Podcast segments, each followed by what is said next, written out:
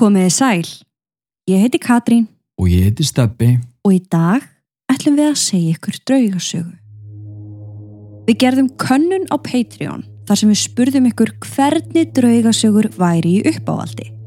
Við viljum þakka ykkur kærlega fyrir að kjósa og segja ykkar skoðun því það gefur okkur betri hugmyndum hvernig sögur við eigum að velja fyrir ykkur. Það voru margir sem vildu heyra fleiri sögur um andsetningar og særingar. Þannig í dag ætlum við að taka það fyrir. Við fáum að heyra fjórar sögur af fjórum mismunandi einstaklingum. Öll eiga þau það sameigilegt að hafa verið andsitin með einum eða öðrum hætti. Eða hvað? Við viljum setja sérstaka viðvörun fyrir þennan þátt þar sem við munum tala um viðkvæma hluti þar á meðal geðsjúkdóma og sjálfsvík. Í sögum dagsins er oft þunn lína á milli geðsjúkdóma og ansetninga og eflust getur það farið illa í suma. En þá vil ég endilega að þið hafið á bakvið eirað að við erum að segja ykkur sögurnar nákvæmlega eins og þeir hafa komið fram ofinberlega. Þó að við séum með bísnagóða þekkingu á andlegu málefnum þá erum við ekki læknar og getum því með engu móti sagt af eða á í hverju máli fyrir sig. Við munum heldur ekki ræða geðsjúkdómana sem minnst er á í sögunum eitthvað sérstaklega því jú, við höfum ekki nægilega mikið vita á þeim og viljum ekki fara með ránt mál. Við munum hins vegar segja okkar skoðanir á öllu því sem við kemur djöfulegum verum og særingunum sjálfum. Þessar sögur eru allar að gerast á mismunandi tíma frá árunum 1769 til 2006. Leifið okkur að kynna sögurnar um George Lukins, Klöru Selí, Marsissi Kornici og Amy Statmatis.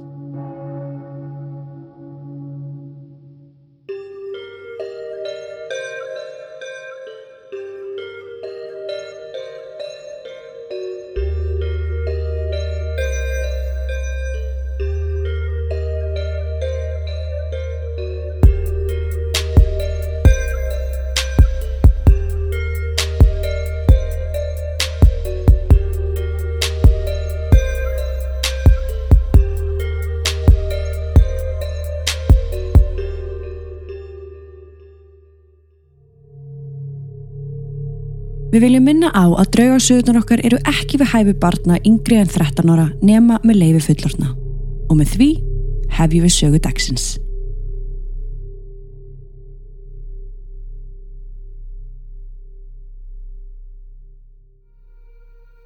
George Lukins, 1769.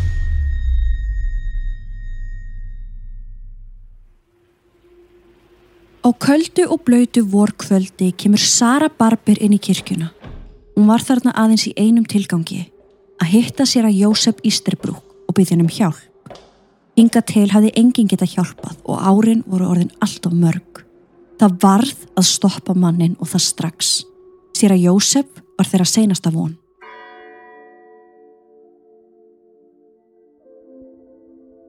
George Lucas var óskup venjulegur 44 ára gammal maður sem bjó í bænum Jatton í Breitlandi, rétt fyrir utan Bristol. Hann var lærður klæðsmiður en starfaði einnig sem söngvari og dansari, sérstaklega í kringum jólin. Hann hafði á sér gott orðspor, nágrunum líka vel við hann og allt frá barnmæsku hafði hann farið í kirkju vikulega, ásamt til að taka þátt í kirkjustarfi. En í byrjun árs 1769 fyrir hann að þjást af flogaveiki.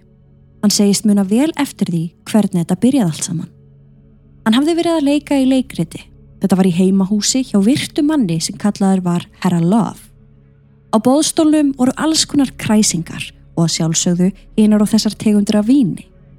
Vittni segja að George hafi drukkið mikið þetta kvöld og verið mjög fullur. Í miðri senu fyrir framann fullt af fólki hellist eitthvað yfir hann og hann fellur í gólfið. Flestir voru vissir um að hann hafi bara verið allt of drukkin og þess vegna hafa hann dottið.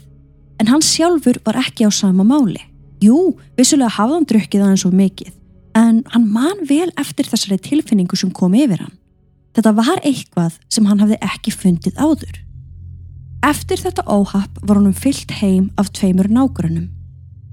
Dægin eftir fekk hann sitt fyrsta flógakast, eða hann hjælt að þetta var í flógakast, hann vissi ekki betur. En þetta voru samt engin venjuleg köst ef það er hægt að orða það svo. Fjölskylda, vinir og nágrannar sáu George breytast hægt og rólega fyrir augum þeim. Í köstum byrjaði hann að gefa frá sér undarleg hljóð. Eina stundina gælt hann hátt eins og hundur og þá næstu gaf hann frá sér einhvers konar óhljóð sem hljómaði ómennst. Það var eins og hann væri að syngja og kalla hástöfum en fólk var sammála um að venjuleg rattbönd í venjulegu fólki gæti ekki framkallað svona hljóð. Það var alveg ljóst að í þessum köstum og eftir þau var maðurinn gjörsamlega örmagna og það var greinilegt að hann hafði enga stjórn á því sem var að gerast.